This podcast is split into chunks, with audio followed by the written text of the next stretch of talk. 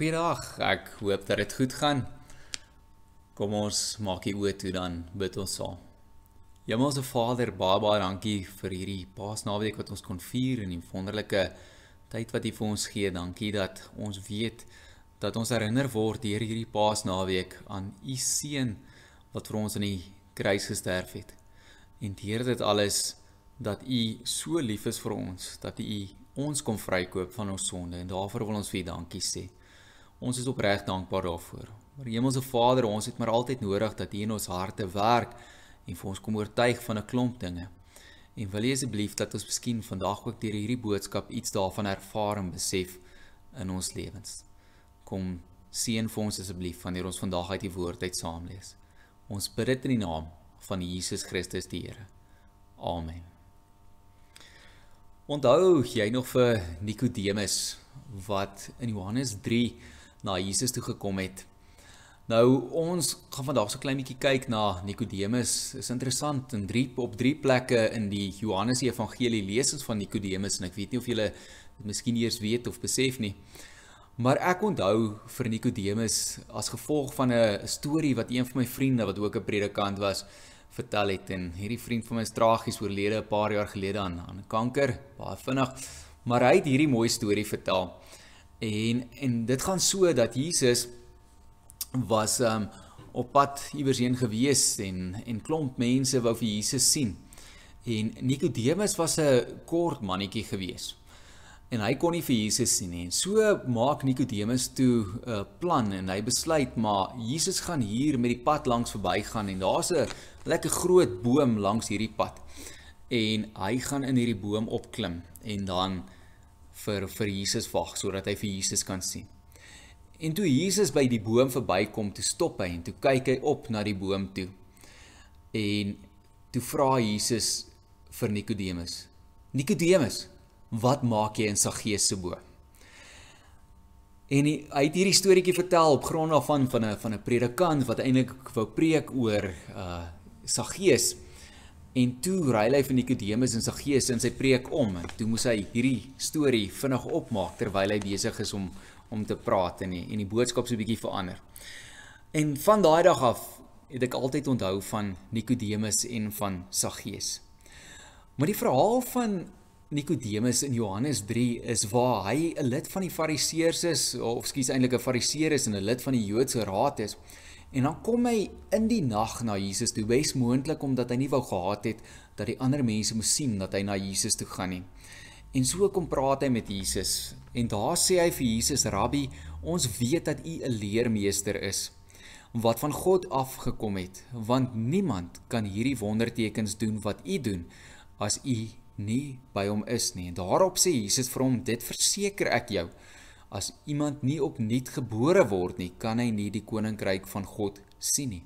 Interessant dat Jesus hierso die woorde gebruik, kan hy nie die koninkryk van God sien nie, want ons sou dit miskien aanvanklik verstaan as dat iemand kan dan nie in die koninkryk van God kom nie, maar dit kan ook beteken dat as iemand nie deur die gees van God gebore word nie of opnuut gebore word nie, kan hy nie raak sien die werk wat God doen nie binne in God se koninkryk natuurlik. En daarmee sê Jesus miskien, weet jy wat Nikodemus? God werk klaar binne in jou. Daar klaar iets verander en jy sien raak dat ek van God afkom. Jy sien dinge raak wat ander mense nie raak sien nie. Nikodemus was eintlik ontsteld geweest op daardie punt want hy het gesê, "Hoe kan 'n man wat al reeds ouer is, dan weer in sy moeder se skoot kom en weer gebore word?" Hoe moet ek dit verstaan? Maar dan verduidelik Jesus vir hom dat dit nie daaroor gaan dat iemand weer as mens gebore word soos wat ons as 'n baba gebore word nie, maar dat hy moet uit die gees uitgebore word. En die gees moet iemand se lewe verander. Ons lees op nog twee ander plekke van Nikodemus en ons gaan so 'n bietjie kyk ook vandag daarna. Maar dit lyk of Nikodemus nogals iemand was wat gedink het en wat dinge bevraagteken het en wat gewonder het of dit wat die fariseërs en die en die lede van die Joodse raad en ander skrifgeleerdes en sulke mense regtig waar miskien die punt reg beet het en God reg verstaan of mis hulle nie miskien eenvoudig iets nie? Dit lyk nie of hy iemand was wat sommer by die stroom ingeval het en maar net eenvoudig saam al die mense afgedryf het in deel van die groter groep altyd dan was nie. En so begin daar dinge in sy lewe te verander en werk God ook in hom. En dan lees ons in Johannes 7 dat dit was die tyd van die Hittefees gewees. Jesus was in Galilea gewees En sy broers vra dan vir hom: "Hoorie, maar gaan jy nie na die Hittefees toe in Jerusalem nie?" En Jesus wou aanvanklik nie gegaan het nie, want hy het geweet daar's mense wat hom wou gevange neem en wat hom wil doodmaak. Nou hoor mooi, dis nie die tyd van die Paasfees wanneer hulle Jesus gekruisig het nie, dis 'n ander fees, die Hittefees. Maar later besluit Jesus tog dat hy na hierdie fees toe gaan gaan.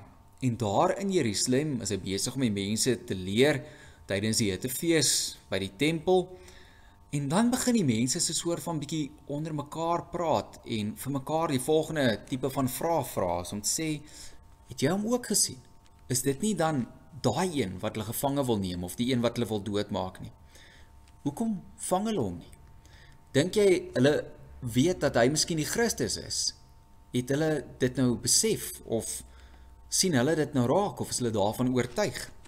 En so praat die mense sê hulle saggies eintlik met mekaar het hulle gefluister. Ons lees dan die volgende versie in Johannes 7 vers 32 waar daar staan die Fariseërs het gehoor wat die mense oor hom fluister.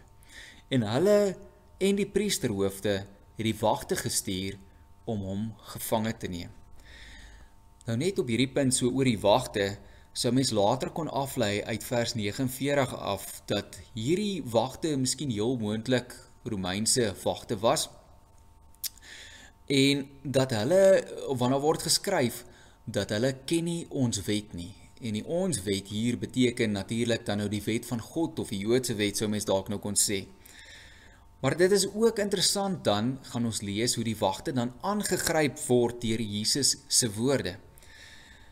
En daardeur dan hulle reaksie wat dan eintlik wanneer daaroor hulle gepraat word oor die wagte word daar gesê dat hulle is 'n klomp spul vervloekte mense maar dat hierdie spul vervloekte Romeinse wagte eintlik op die ouene van die dag wat wat selfs nie eens God se wet ken nie maar dat hulle op die ouene van die dag kan raak sien dat Jesus miskien die verlosser is.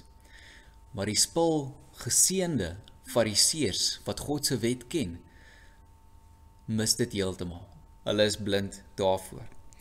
So hoor word dan verder vertel in Johannes 7 vers 43 tot 52. Kom ons lees daai teks saam. Daar staan daar het hulle toe verdeeldheid oor hom daar het toe verdeeldheid oor hom onder die mense gekom. Party van hulle wou hom gevange neem, maar niemand het dit gedoen nie. Daarna het die wagte na die priesterhoofde en die fariseërs toe teruggegaan en die het vir hulle gevra: "Waarom het julle hom nie gebring nie. Die wagte het geantwoord: Nog nooit het iemand gepraat soos hierdie man nie. Die fariseërs sê toe vir hulle: Is julle tog nie ook mislei nie? Het een van die lede van die Joodse raad miskien in hom geglo of een van die fariseërs en dan daai vers 49 wat sê: Nee, dit is net hierdie spul of hierdie vervloekte klomp mense wat nie ons wet ken nie. Maar dan lees ons van Nikodemus staan vers 50 en hoor wat sê Nikodemus dan? Nikodemus wat voorheen na Jesus toe gekom het en wat een van hulle was sê toe vir hulle volgens ons wet kan ons mos nie sommer iemand veroordeel sonder om eers sy kant van die saak te hoor en vas te stel wat hy doen nie. En hulle sê toe vir hom, hulle sê toe vir Nikodemus, jy kom tog nie ook van Galilea af nie. Ondersoek die skrif en jy sal sien dat God niemand wat uit Galilea kom as profeet roep nie. Miskien na 'n laaste gedeeltjie weer waar hulle vir hom sê jy kom tog nie ook van Galilea af nie.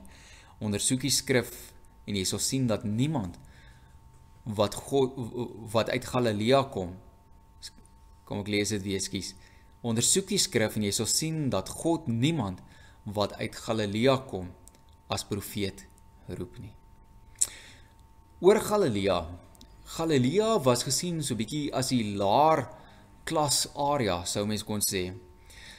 Dit is die area van vissermense en mense wat waarskynlik eerder met hulle hande gewerk het soos skrynwerkers. Verder was die mense van Galilea gesien as 'n spul rowwe klomp mense ook. Nasaret was ook in hierdie streek gewees en ons hoor ook dat Jesus het in Nasaret groot geword. En dan hoor ons onder andere in Johannes 1 vers 46 waar Nataneel vir Filippus sê: "Kan daar uit Nasaret iets goeds kom. Nou Jerusalem aan die ander kant weer word deur baie Jode gesien as die plek met die meer geleerde mense. Dis ook natuurlik waar die tempel was. Maar dan kry mense ongelukkig ook hierdie klomp Joodse leiers soos die Fariseërs en skrifgeleerdes wat soms neergekyk het op ander mense en besonder ook die mense van Galilea.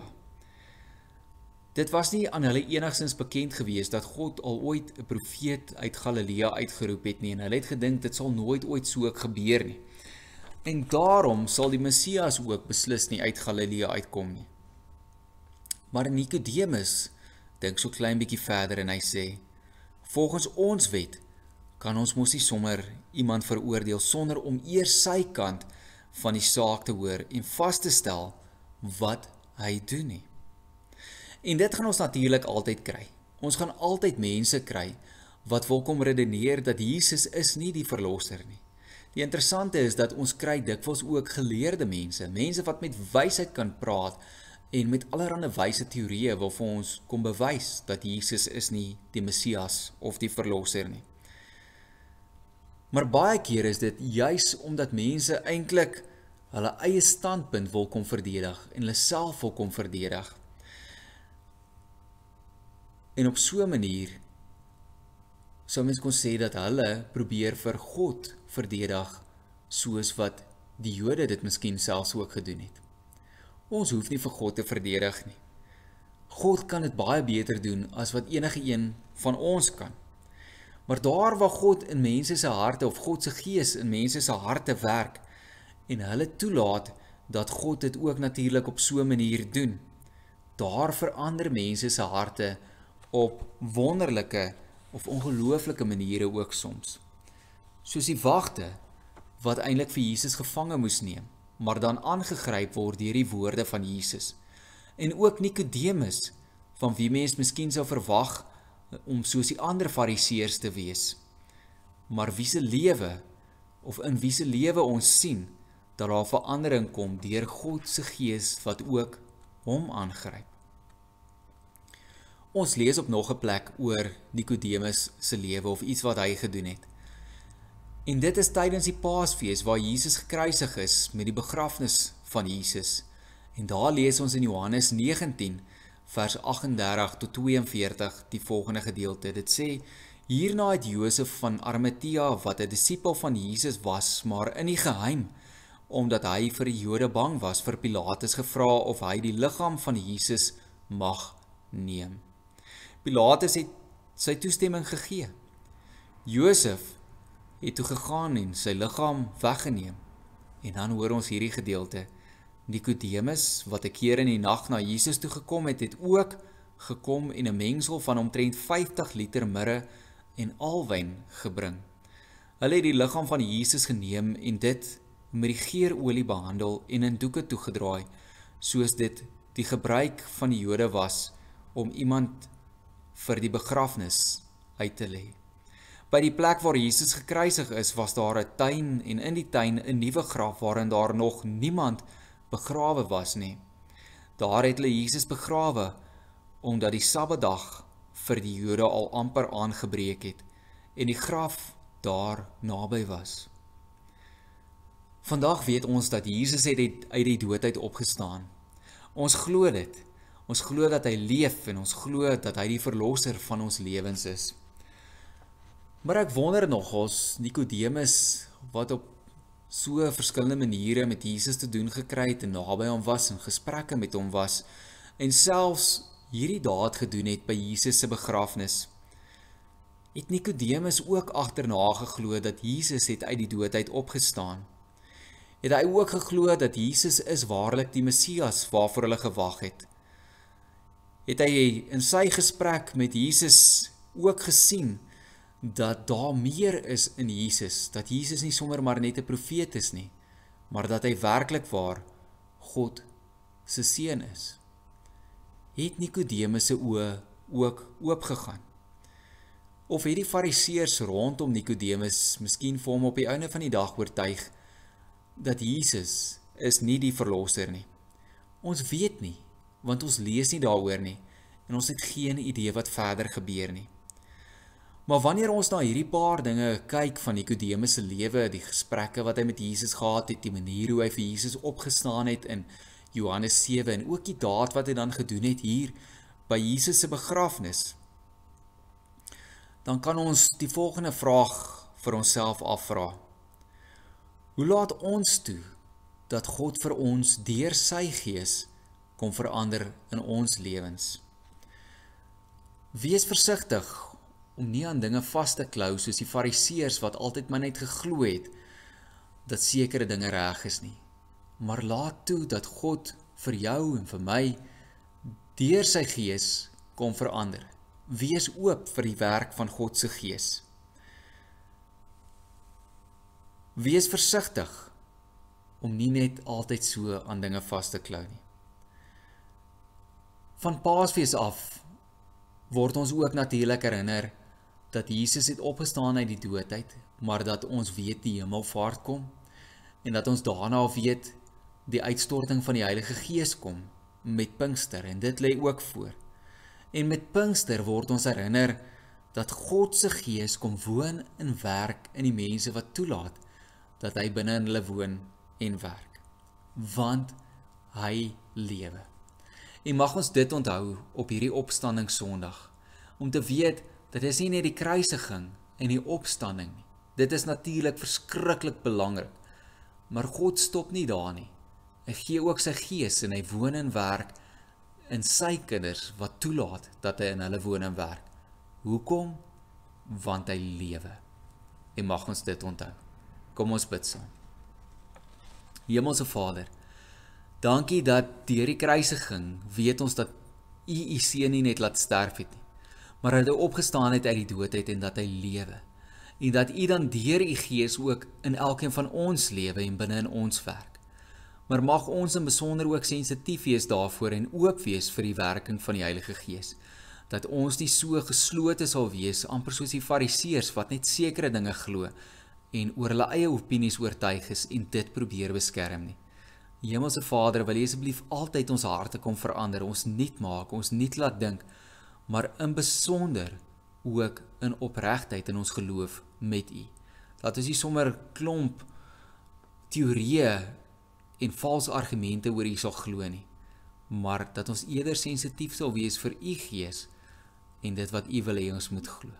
Seën ons asseblief in die res van hierdie dag, maar in besonder ook in die week wat vir ons voorlê. Mag dit vir elkeen van ons 'n mooi week wees. Ons bid dit in die naam van Jesus Christus die Here. Amen. Mag die genade van ons Here Jesus Christus en die liefde van God ons Vader en die teenwoordigheid van die Heilige Gees met jou wees en bly. Amen.